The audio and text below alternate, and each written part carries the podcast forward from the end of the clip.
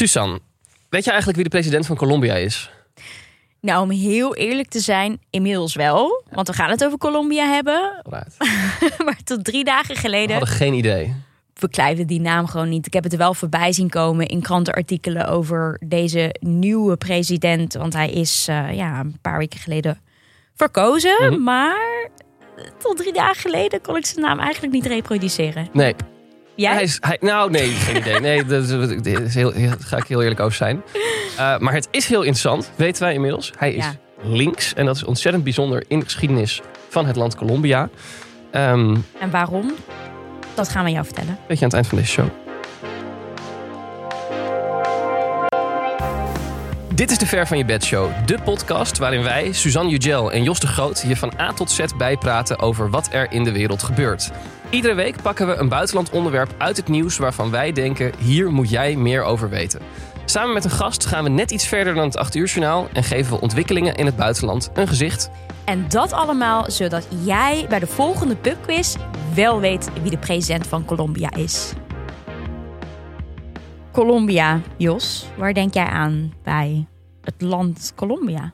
Ja, veel over nagedacht. eh, de, de, la- de laatste dagen natuurlijk. Ja, ik kwam tot de conclusie dat mijn eh, referentiekader zich eh, enigszins beperkt tot de Netflix-serie Narcos, die ik heel erg hard heb gebinged. Ik ook. Geweldige geweldige serie. serie. Ja, gaat natuurlijk over Pablo Escobar. Het gaat ook meteen over die cocaïnehandel. Die eigenlijk altijd in één adem wordt genoemd met het land Colombia. Volgens mij vind ik Colombiaan dat ook niet per se heel erg leuk. Nee, nou ja, kijk, we kunnen straks met, met, met onze gast bespreken ook in hoeverre dat eh, eh, terecht is. Hè? Maar ja, da- daar, daar denk ik aan. Ja, Narcos, dat, dat, dat, dat, dat, dat is mijn kijk op, op Colombia. Wat, wat is dat bij jou? Nou ja, ook Ja. Tanja Nijmeijer. Tanja Nijmeijer, Vark. de De, Vark. de, de, de, De guerrilla-strijd in de jungle. Precies, Ja. daar moet ik aan denken. Waar ik dan stiekem ook weer het fijne niet van weet. Mhm. Maar dat zijn wel de eerste dingen die bij mij opkomen. Ben je wel eens geweest, Colombia? Nee, maar ik wilde wel heel graag gaan. Dus Mhm. ik, ik ga altijd alleen op vakantie. En ehm, ik twijfelde tussen Colombia en de Filipijnen. Omdat ik eigenlijk een chill... Eh, Totaal logische keuze om te maken. Ja. Ik wilde een chill vakantie. En ik dacht, ja, in Colombia moet je echt reizen. Mm. En ik had minder zin om te reizen, ik had meer zin om te chillen. Dus ik ben naar de Filipijnen geweest. Achteraf dacht ik, ja, kut, misschien had ik toch liever naar Colombia gewild. Mhm. Maar ik kijk dus ook altijd, wordt een beetje een gimmick nu, maar op eh reisadviespagina van het ministerie van Buitenlandse Ja, Zaken. De kleur heeft een land. Ja. Welke kleur heeft een Ja. land? En Colombia die bevat bijna alle kleuren, behalve groen. Eh, en ik dacht, ja, Wat staat voor veilig? Om even, precies, heel goed. En, en ik dacht, ja, ik heb gewoon eigenlijk gewoon geen zin om op te letten. Of, eh, Nou ja, dat was voor mij de reden. Maar Dus ik toch wil, een beetje, ja, het idee wil dat- het wel graag nog steeds Ja, gaan. dus je had toch een beetje het idee, het is misschien niet helemaal veilig om daar als vrouw alleen, zoals je zelf zegt, eh, Ja, te gaan reizen. ja, maar inmiddels Mm. zie ik Het is nu een beetje anders, wel. misschien. Ja. Precies. Ja, Ja, en ehm, nou, ja, goed, we gaan het hebben over Colombia. Met reden, want eh, kort geleden zijn er verkiezingen geweest, dus nieuwe president. Maar er was ook nog een andere reden dat wij eh, dachten, hé, hey, eh, eh, eh, we moeten het erover hebben. Ja, want we kregen een luisteraarsvraag binnen Superleuk. van Zoran, die, eh, ja, die dus Colombia ook volgt. En hij stuurde het volgende. Mijn naam is Saraan van Peer. Mijn vraag gaat over de politieke aardverschuiving in Colombia. Als student heb ik een tijdje gestudeerd in dit prachtige land. Ik heb er mogen reizen, ik heb er vrienden kunnen maken. Al met al heeft dit land toch wel een speciaal plekje in mijn hart veroverd. Een aantal weken geleden is de linkse president Gustavo Petro verkozen tot de nieuwe president van het land. Dit lijkt echt een politieke aardverschuiving te zijn. Eerder kende het land alleen nog maar conservatieve regeringen gesteund door de Verenigde Staten. Nou, heel veel vragen. Ik ben gewoon enorm benieuwd eh, ja, wat jullie kijk hierop is. Nou, Suzanne, daar zijn we mee aan de slag gegaan. Ja, lijkt me een hele duidelijke vraag. En Ja. ook heel terecht. En ik merkte ook dat ik dacht, ja, ik weet er eigenlijk ook weinig van. Ik lees Nee. in de kranten, lees ik erover hoe bijzonder dat is. Maar waarom? En hoe meer we zijn gaan lezen, hoe, hoe meer we ook wilden weten. En Precies. eh, het is Fascinerend super land fascinerend. Nou, ik ben eigenlijk bij eh, oud-correspondent Mark Bessems eh, uitgekomen Ja, van de. NOS. Ja. Die heeft jarenlang in Brazilië gezeten. Sinds dit jaar is hij weer in Nederland. En die zei tegen me, ik wil heel graag een keer bij jullie komen. Maar weet je wie je echt moet hebben over Colombia? Dat is Robert-Jan Vrielen. Ja. En die reageerde heel enthousiast toen wij hem uitnodigden. Ja, ja, hij is ook correspondent daar geweest. Ja. Eh, ehm, werkt nu als chef nieuws, heet dat dan, eh, bij de Volkskrant. Maar hij heeft ook een vuistdik boek geschreven... eigenlijk over een belangrijke familie in de geschiedenis van Colombia. eh, waarmee hij eigenlijk de geschiedenis van dat land ook prachtig schetst. Hij heeft er zes jaar, lees ik in zijn eigen woorden, over, over gedaan. 15 reizen naar Colombia, 165 interviews. 18 maanden heeft hij eraan zitten schrijven. Dus eh, deze man weet alles van het land. Dus eh, Laten we hem erbij halen. let's do it.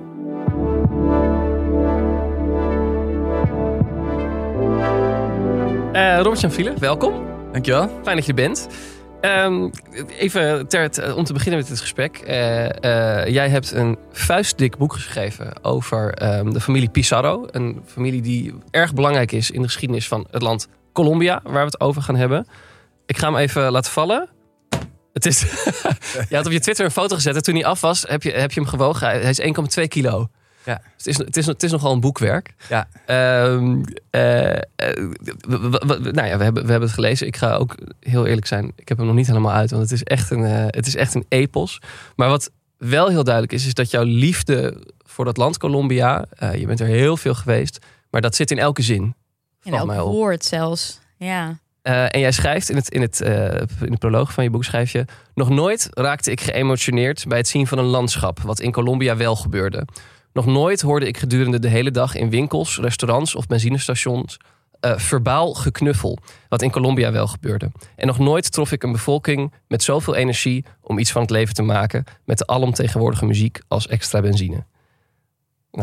Zijn Prachtig. nogal woorden. Prachtige woorden. Ja, ja. nu, het, nu het zo voorlezen, doet het me bijna weer wat. Zeg. Ja? Oh ja, wat doet het En, je dan? eh, Wat gaat er door je heen? Eh, nou ja, ja, ik ben er ook lang niet geweest. Dus een beetje een soort van eh, heimwee ook wel. Eh, ja, melancholie. En weer zin om daar naartoe te gaan. En ja, en, en ik, zie, ik zie ook wel dat, dat... Ik weet nog wel het moment van dat landschap namelijk. Toen, toen reisde ik in het zuiden van Colombia bij Ecuador de grens over. En, en naar een stad die heet Popayan. Mhm. En dat is, eh, dan ga je van hoog naar laag en weer omhoog. En, en door die valleien en zo. En ik, en ik zat in die bus en ja, het was gewoon zo ongelooflijk mooi. En ja, toen raakte ik wel een beetje zo geëmotioneerd. Ik dacht, wauw. Ja, dus Wat, dat wat- zie ik ook wat, zo wat, zag, wat je dan? Het was groen, het was... Ja, me voorstellen. Ja, nou, het is een combinatie van alles. Van, je, van het, het landschap groen inderdaad, de, de gigantische bergen. Maar ook de, de muziek in de bus. Want in Colombia is altijd en overal muziek. Mhm. Eh, ja, en de mensen in de bus en de geuren die dan zo naar binnen waaien door die ramen. En dan heb je je zoete geuren en dan ga je weer omhoog en is het wat kouder. En dan voel je een beetje die vocht, weet je, dat vocht. Mhm. Nou ja, alles bij elkaar. Het is niet alleen maar wat je ziet. Het is natuurlijk de hele, het hele pakketje, zeg maar. Ja. Dus eh, ja. Je, je omschrijft het ook als verbaal geknuffel. Ja, wat moet ik me Ja. daarbij voorstellen, dacht ik. Ja, dat is, dan zie ik mezelf altijd zitten in de bus of in het vliegtuig. En dan bellen ze altijd naar elkaar. En dat is eigenlijk wel. Eh, de aanleiding daarvan is natuurlijk dat het feit dat in Colombia reizen lang niet altijd veilig was. Dus dan gingen Mm. mensen elkaar bellen, oh, ik ga nu weg. En dan bellen ze aan en zeggen ze, hola papito.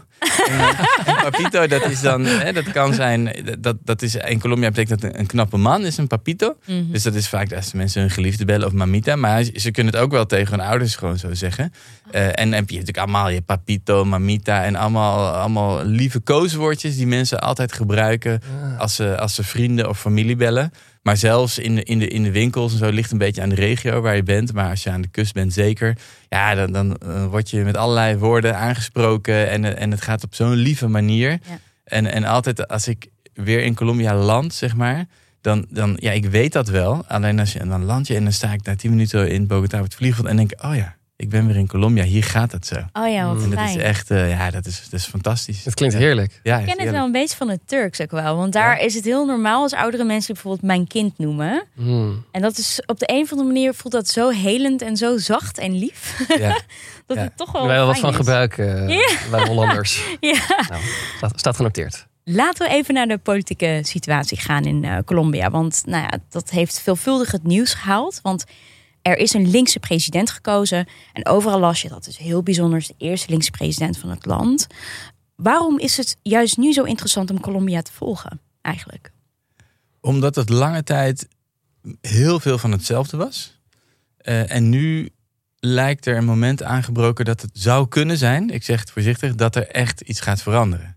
Dus eh, bijvoorbeeld toen ik mijn boek aan het schrijven was, ging over drie generaties. En die middelste generatie, die, nou ja, die ging zeg maar even zwart-wit, die gingen allemaal bij de guerrilla in de jaren 60 en 70, omdat ze het land wilden veranderen. En dat heeft enorm veel geweld opgeleverd. En dat is iets dat guerrilla vaak niet wil erkennen, dat ze eigenlijk zelf heel veel geweld hebben veroorzaakt ook. En nou ja, dus ik focuste in dat boek heel erg op die tweede generatie. En ik ging mensen van de derde generatie interviewen. En toen vroeg een van die, van die kinderen, eh, zijn vader was ook een guerrillero, doodgeschoten. Hij zei, wat is nou eigenlijk onze rol in jouw verhaal? En toen zei ik, ja, ik wil ook omschrijven hoe jullie het land opbouwen. En toen zei hij tegen mij van, ja, ja, zei hij. Nou ja, ik, ik zie ons eigenlijk vooral als een soort epiloog. En, en ik vond het heel mooi dat het zei. Ik, toen had ik het niet door, maar later dacht ik over, nou, hij heeft gelijk. Want de, de Colombiaanse geschiedenis eigenlijk heel veel dingen die zijn ingezet zo in de jaren 60, 70, 80. En daarna is het eigenlijk allemaal alleen maar uit de hand gelopen wat er eerder is ingezet. Uh, en dus de paramilitairen, de, de, de drugs die daarmee wordt gemengd, het ongelooflijk geweld. Allemaal het gevolg van toen. Ja, want ik ben blij dat je erover begint. Want dat wilden we ook eigenlijk aan jou vragen. Want ik denk dat we die periode even moeten schetsen om te begrijpen waarom, waarom we hier nu zijn waar we zijn in Colombia. Kun je ons die geschiedenis van Colombia uh, vertellen? Wat er in de jaren 60 en 70 gebeurde? Ja, dan ga ik nog, nog weer even iets verder terug. Mm -hmm. Dus ja, onafhankelijkheid en dan krijg je 100 jaar uh, burgeroorlogen, liberalen tegen conservatieven. Die ideologisch gezien zijn heel veel verschillen, maar het is meer een soort ja, bloedgroepenstrijd. Nou, dat, dat, dat, dat, hoe heet het, die strijd die, die, die vlakt dan af en dan lijkt Colombia eigenlijk te kunnen beginnen aan, aan een normaal land te worden, zeg maar. En dan hebben we het over het begin van de vorige eeuw. Nou, dat is waar ook de, de vader van mijn familie, zeg ik maar even, zijn intrede wordt dan geboren. En die denkt echt dat hij dat kan meehelpen om het land een modern land te maken. Nou, dat, dat op een gegeven moment loopt dat dan weer spaak. Krijgen ze toch weer veel conflict onderling. Uh, en dan zijn we aangekomen in de jaren 50. Nou, dan is er een soort van politiek akkoord en luwt het geweld weer. Maar dan heb je de Cubaanse revolutie gehad. En tegelijkertijd is Colombia nog een heel ongelijk land.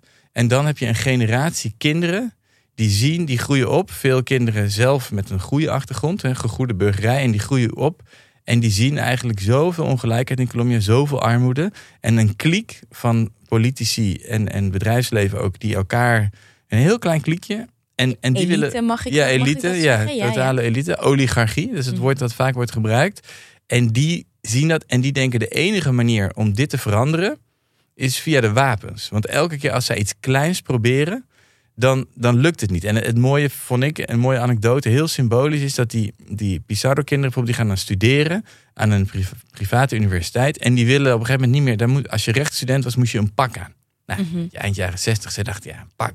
Dag. Erop met je pak. Ja, precies. Dus die willen in spijkerbroek.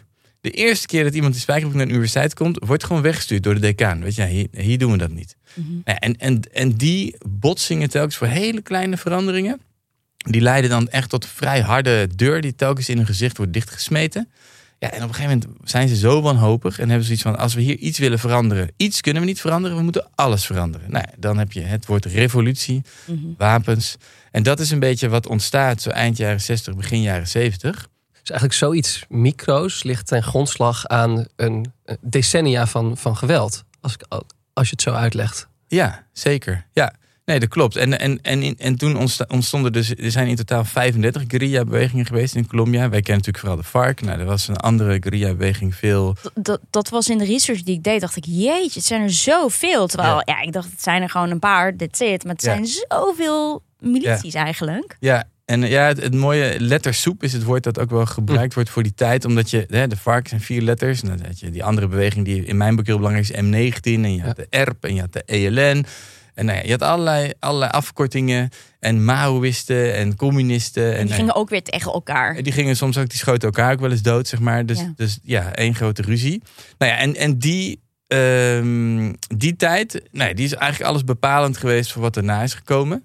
Ehm, en, en ook door die tijd en doordat die guerrilla in Colombia bestond, was het eigenlijk altijd onmogelijk voor een linkse eh, politiek om echt groot te worden, laat staan te dromen van het presidentieel paleis. Omdat links werd geassocieerd met guerrilla-strijd, met de vark, met ellende, met wapens. Ja. Doordat mensen dachten, links liever niet. Liever niet, ja. En, en ja, die werden weggezet als communisten en subversieven. En, en dan werd vaak gezegd van... Ja, maar deze politicus die doet net of die een politicus is... maar eigenlijk is het een vermomde guerrillero. Oh ja. Dus dan, dan, ja, heel veel mensen gingen dan toch niet op zo iemand stemmen. En op het moment dat die mensen zeg maar wel wat groter werden in de peilingen... eh, eind jaren 80 was dat het geval, 1990. Dus een van mijn hoofdpersonen, Carlos Pizarro... die besloot om de vrede te tekenen.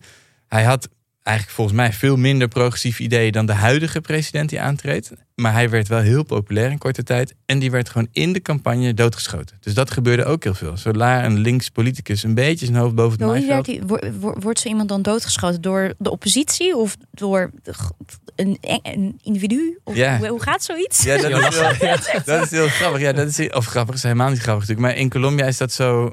Ja, die, ja dan wordt er ook gezegd... Ja, lo mataron. Weet je wel? Hij, hij is doodgeschoten. En dan is Mm. altijd de vraag van wie heeft het gedaan? Nou, in het geval van Carlos Pizarro is wel duidelijk dat dat de extreem rechtse... Ja, hoe zeg je dat? Elementen uit de samenleving. Kijk, de paramilitairen die toen er waren... Nou, misschien komen zo nog wel op hoe die zijn ontstaan.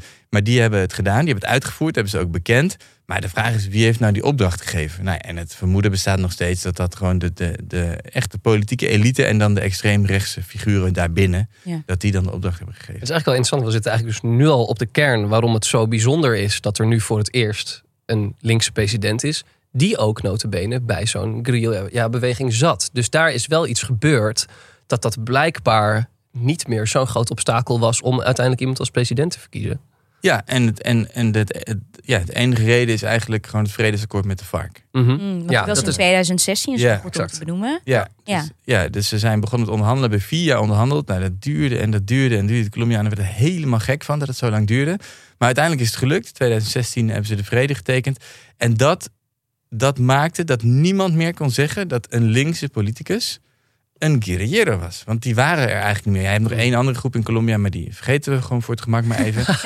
in bepaalde regio's doen ze echt heel veel kwaad, maar verder niet Oké. zoveel. Dus de FARC bestond niet meer. En de FARC zelf werd een politieke partij. Deed ook mee aan de verkiezingen. Niemand stemde erop, want niemand eh, moet iets van die FARC. Maar dat maakte ook dat andere linkse politieke kandidaten... die konden ineens gewoon politiek bedrijven. En die konden ook gewoon linkse plannen ontvouwen... zonder dat iemand zei van... eh, ja, maar je bent eigenlijk een guerrillero. En dat is wat met deze Gustavo Petro... die eh, binnenkort aantreedt, ook is gebeurd. Wat voor een type is hij eigenlijk? Ik heb wel wat speeches van hem gekeken. Eh, een beetje wat oudere man. Hele lange speeches. Hele overigens. lange speeches. Ja, ja, ja. Jezus, ja, Ja. precies. Nou, ik vind het wel, de, de passie waarmee je het vertelt. Nou, ik versta het niet, maar het, het werkt wel. Ja. Ehm, wat, wat voor type is hij? Ja, het is, ik vind het in die zin is het een. een ja, nee, het is geen enigma, maar hij, het verbaast me dat hij eh, doet wat hij doet, omdat hij belooft verandering. Hè? Nou ja, en, dan, en dan denk ik dan terug aan Obama of zo. En die had natuurlijk van die enorme speech. Als je hem hoorde, dan dacht je, oh, ik ga met je meedoen. Ja. Yes, we can. En, en het Ja. was zo mooi. En maar deze aan, Gustavo ja. Petro, die heeft eigenlijk iets anders. En die heeft een soort ding over zich, een soort vermoeidheid. En, en ik vind hem, ik- hij lijkt wel, hij is ook econo, eco, hoe zeg het? econoom. Ik economist zou ik zeggen, maar dat is bijna Spaans. Hij is econoom, maar hij komt ook over, vind ik, als een soort, als een leraar die al 40 jaar lang zijn, zijn, zijn verhaaltje afsteekt voor de klas en nog één jaar moet voordat hij met pensioen gaat. En dan gaat het nog één keer allemaal vertellen. Nou, dat, zo komt hij op mij over. Ook in zijn speeches, die inderdaad soms anderhalf uur duren. En toch En toch, is hij Ja. president. en toch is hij president. Maar nipt, hè? Nee, zeker. Ja, Dus, het, eh, het- het- Ja. het was eh, eigenlijk net 50 nou, bijna nog wat 50-50. was het. Ja, Ja. precies. Maar wat, Ja. is dan, wat is dan eh, wa- waarom is het hem dan gelukt? Want het is niet een heel groot, goed verkooppraatje wat je, eh, wat je hem geeft. Nou ja, het is hem deels gelukt wel vanwege het inhoudelijk programma. En de, Mhm. zijn tegenkandidaat, die, die net zo anti-establishment was eigenlijk als hij... die bleek uiteindelijk helemaal geen programma te hebben. Dat was eigenlijk iemand die bestond eigenlijk alleen maar op, op TikTok. En daar is hij heel populair mee geworden, heel in korte tijd. We hebben het over Rodolfo Hernandez. Ja, precies. En, die, en die een aannemer, een miljonair en zo. En die had ook helemaal gezin om een campagne te voeren. En die liet zijn, zijn sociale mediateam alles maar doen. En uiteindelijk zijn er denk ik net iets te veel Colombianen die dachten... ja, maar wat heeft die man eigenlijk wel politieke Mm. ideeën? Mm. En Petro heel duidelijk, heeft een heel ambitieus programma, een heel duidelijk programma.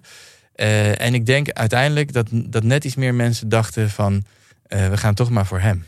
Ik vond het ook heel sterk, want dit lees je ook terug dat hij echt grassroots, weet je, hij komt echt uit die bevolking. Hij ging ook echt naar de bevolking. Ik denk dat dat ook wel voor hem heeft eh En, gespeeld. en hij heeft veel jongeren weten te, te, te, mobiliseren om te stemmen, begreep ik. Hè? Dat, Want even zijn plannen zijn best wel ambitieus. Wat voor plannen heeft hij? Ja, Eh, wat deze, voor plannen deze heeft man. hij niet, zou ik ja. Nou ja, ik denk, ik denk, kijk, in Colombia vinden ze het allemaal heel radicaal links. Ik denk dat je het in Nederland misschien zou je het zo. Ja, nou, wel links van het centrum, maar het Ja. is wel. Maar, maar goed, nou ja, hij wil bijvoorbeeld een einde maken aan de, aan de olie, eh, zeg maar. Dus geen nieuwe eh, boringen meer doen. Wat een ding is in Colombia, want dat is het belangrijkste exportproduct, belangrijkste bron van buitenlandse, dol, maar ja, buitenlandse devisa, dus dollars. Eh, hij wil vrouwen centraal zetten in alles wat hij doet. Dus sowieso de helft van zijn regering moet uit vrouwen bestaan. En dat, ik dat doet hij ook nu, zeg maar. Dat is te zien. Eh, daarnaast wil hij als uh, nieuw beleid invoeren, wil hij vrouwen daarin centraal zetten. Dus als hij bijvoorbeeld zegt, uh, ik wil het onderwijs toegankelijker maken voor iedereen, dan mikken ze eerst op de vrouwen, zeg maar. En hij wil ook bijvoorbeeld, in Colombia blijkt altijd dat er ongelooflijke verschillen bestaan tussen vrouwen en mannen wat ze besteden aan huishoudtijd, zeg maar. Hm. Nou ja, daar wil hij vrouwen voor gaan belonen. Hij wil een soort van basisinkomen ook inrichten, ook, ook met het, een beetje met het oog daarop, zeg maar. Uh, hij wil sowieso een basisinkomen doen. Hij ziet de staat eigenlijk in economisch moeilijke tijden moet iedereen daarop kunnen terugvallen. Nou ja, misschien een beetje wat we hier hebben, dan iets andere naam krijgt het ook. Uh, nou, hij wil het pensioensysteem wil hij op de kop zetten. Hij wil de zorg wil hij aanpakken. Hij wil heel veel huizen bouwen. Hij wil het vredesproces implementeren. Want dat is vier jaar geleden uh, is dat, of nee, in 2016 getekend. En de huidige rechtsregering heeft er eigenlijk niks aan gedaan. Maar dat is heel hard werken om zoiets te implementeren. Nou, daar wil hij weer mee beginnen. Um, hij is ook tegen de war on drugs. Nou ja, het, is, het gaat uh, echt ver. Als ik zijn plannen lees, dan denk ik, nou top, heel ambitieus, maar in een vrij ja, conservatief land, wat door jaren door een elite is geleid en waar het economisch totaal tegenovergestelde is, denk ik, dat is wel heel ambitieus. Gaat het hem wel lukken? Nee, dat denk ik niet. nee, nee, ja, nee. Ik weet het gevoel ja. dat ik kreeg. dat ik dacht, Ja. wauw, ik bedoel... Nee, en dat is de kritiek die hij krijgt van, van ja, zeg, de, wat, de wat oudere analisten, zeg maar. Ja, die, die vinden hem eigenlijk onverantwoord. Omdat je, je kan, kijk, als politicus moet je altijd dingen beloven in je campagne. En dan wat er daarna van terecht komt, nee, dat is een ander verhaal. Maar hij belooft eigenlijk de hemel op aarde. En, en ja, Colombia is daar zo ver van verwijderd dat het risico is natuurlijk heel groot dat mensen na vier jaar zo teleurgesteld zijn. Ja, en dan gaan ze weer gewoon de volgende populist misschien wel kiezen. Dus er zijn heel veel mensen die zeggen: ja, het is, hij is links, ja, het zal wel, maar het is vooral een populist. Want hij belooft gewoon veel te veel. En ja, en kun je eigenlijk alleen maar falen. kan je bijna alleen maar falen. Of, wat ook kan, en dat zie je nu gebeuren, is dat je allianties gaat sluiten met die politieke elite, waar je eigenlijk tegen bent geweest in je campagne. Want hij in zijn speeches was de hele tijd eigenlijk vrij virulent tegen die elite. En, en nou, hij schold ze nog net niet uit, maar het was wel altijd heel hard. Mm. Maar ja, nu gaat hij gewoon met die partijen gaat hij in zee. Dus hij heeft net gisteren Een Nederlands hij, eh, polderen eigenlijk. ja, een beetje polderen. En hij Ja. heeft gisteren de, de Liberale Partij, dus een van die, van die partijen hè, die al, al vanaf 1810 zeg maar, daar aan de macht zijn, heeft hij bijvoorbeeld het ministerie van eh, Huisvesting toegezegd.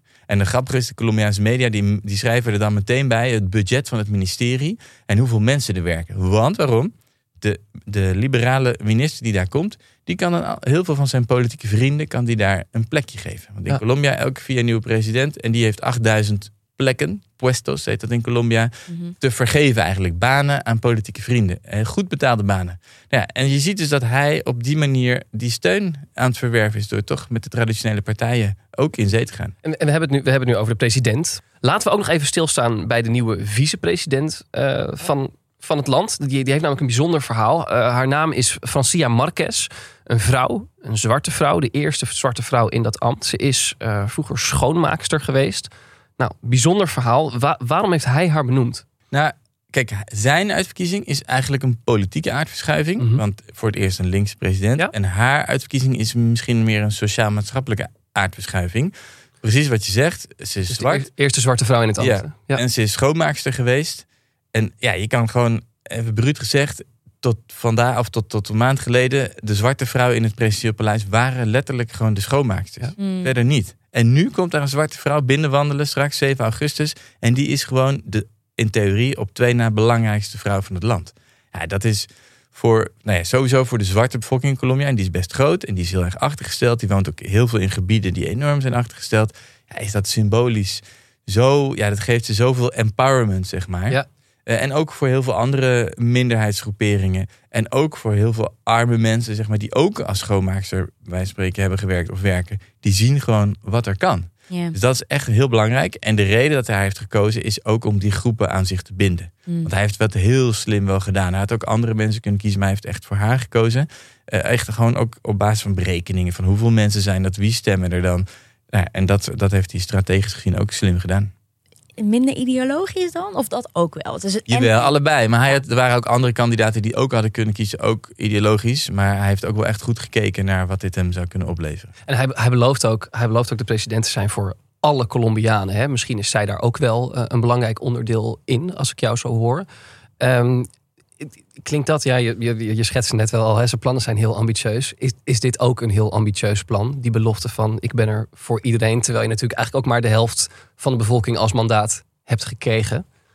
Ja, het is wel, maar goed, dat zeggen ze allemaal. Mm. Dus, eh, Mm. dus eh, ja, ik weet niet. En eh, hij moest het denk ik ook wel doen, omdat in de campagne, het was wel echt een harde campagne. Vo- vooral misschien zelfs wel e- de eerste gedeelte. Je hebt altijd twee rondes. En het eerste gedeelte ging echt links tegen rechts. Ging echt heel hard. Het was echt eh, allemaal eh, achterklap en weet ik het wat. Eh, en ja, hij, hij moest wel een soort gebaar maken nadat hij is gekozen. om te zeggen, hé hey jongens, ik ben nu wel gekozen, maar ik ben er voor iedereen.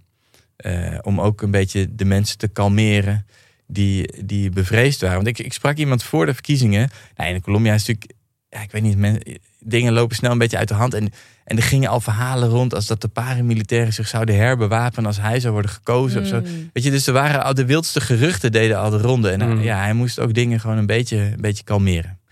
Ik heb eigenlijk nog een laatste vraag. En heeft betrekking op de Verenigde Staten. Want dat is natuurlijk eh, ja, een land dat een dikke vinger in de pap heeft gehad in Colombia. Ook in, nou ja, ook misschien een deel van de strijd die daar eh, is geweest. Hoe, hoe kijken zij eigenlijk ernaar dat er een linkse president is verkozen? Dus natuurlijk kijken ze met horror naar natuurlijk. Want ze hebben gestreden tegen dat communisme. Nu zit er in één keer weer een, linkse president. En Colombia is toch trouw bondgenoot altijd van de VS geweest. En links is een beetje een vies woord in Amerika. Hoe kijken zij er eigenlijk naar en wat is dat effect? Ja, ik denk dat ze zenuwachtig op de stoel zitten in Washington. ja, kijken wat gaat dit opleveren. Ja. Kijk, Biden heeft wel meteen eh, gezegd, ah, goed dat hij is gekozen en zo. Dat komt ook omdat de voorganger van, van Petro Duque, die was een beetje met Trump eh, aangehouden geraakt. Dus dat, was, dat speelt dan ook weer een rol. Maar ja, linkse president in het belangrijkste land voor de Verenigde Staten in die regio. Want Colombia is altijd de belangrijkste bondgenoot geweest. Ook vanwege de drugsindustrie en alles. Ja, dat vinden ze natuurlijk vinden ze heel spannend en eng. En eh, hij heeft ook gezegd dat hij het, het vrijhandelsakkoord wil heronderhandelen. En hij heeft vooral gezegd dat de war on drugs, zoals die al decennia wordt gestreden, dat hij daar niet voor is. Mhm. En dat is heel interessant, want hij is de Hij eerste flirt zelfs met de legalisering van. eh, ja, hij wil, een, eh, ja, hij wil een, een proef doen inderdaad. Ja. Met nou ja, wat we eigenlijk hier hebben en wat in Uruguay is en in Mexico en sommige stukken. Wil hij gaan doen. En verder wil hij gewoon die repressie eh, ja, van de drugsteelt en zo. Daar wil hij, wil hij allemaal aanpakken. En eh, ja, tot nu toe zeiden presidenten dat altijd achteraf. In, in eh, Colombia ook rechtspresident zei ja, die war on drugs dat werkt voor geen meter. Levert alleen maar ellende op in ons land. Maar ze durfden dat nooit te zeggen als ze in functie waren. Want ze wilden wel die miljarden steun hebben. Ah, ja, ja. En Peter zegt gewoon, nee, daar moeten we, gaan we echt anders doen, moeten we mee stoppen. Eh, dus dat wordt heel interessant. Spannend. Zeker, al met al echt een frisse wind eigenlijk. Het, de, de, de voortekenen zijn er. Nou, laten we langzaam eh, gaan afronden. Maar eh, niet voordat we jou vragen eh, om een tip. Dat vragen we namelijk altijd aan onze gast. Als ze iets mee willen nemen voor onze luisteraar. Ik ben heel benieuwd wat je voor ons hebt meegenomen.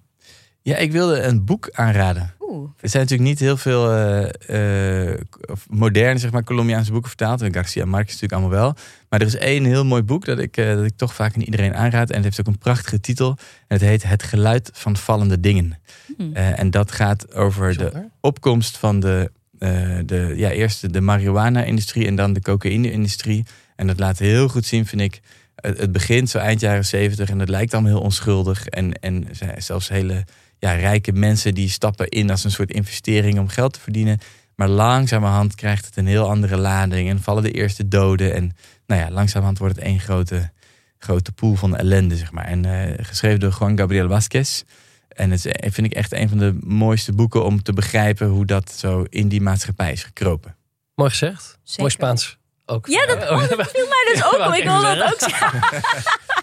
ja, Nou, en wil je dat land beter begrijpen? Er ligt dus een ontzettend dik boek hier op 1,2 tafel. kilo. Eh, 1,2 kilo Robert Jan Viele, De Pizarro's.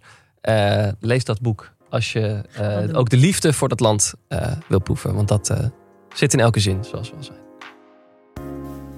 Nou, heb jij net als Soraan een vraag eh, en is er een land waarover je bijvoorbeeld meer zou willen weten? Laat dat ons dan weten. Dat vinden we hartstikke leuk. En dan gaan we mee aan de slag. Doe en dan zoeken wij een mooie gast uit waarmee we gaan praten. Eh, je kan ons bereiken via Twitter. Dat is op Ver van je bedshow. En ook via ons Instagram-account. En daar heten we Ver van je bedshow podcast. Ehm, nou, en alle tips die je voorbij hebt horen komen, die vind je in onze show notes. Robert-Jan, dankjewel dat je er was. Ja. Graag gedaan. Wij zijn eh, wat wijzer geworden over Colombia.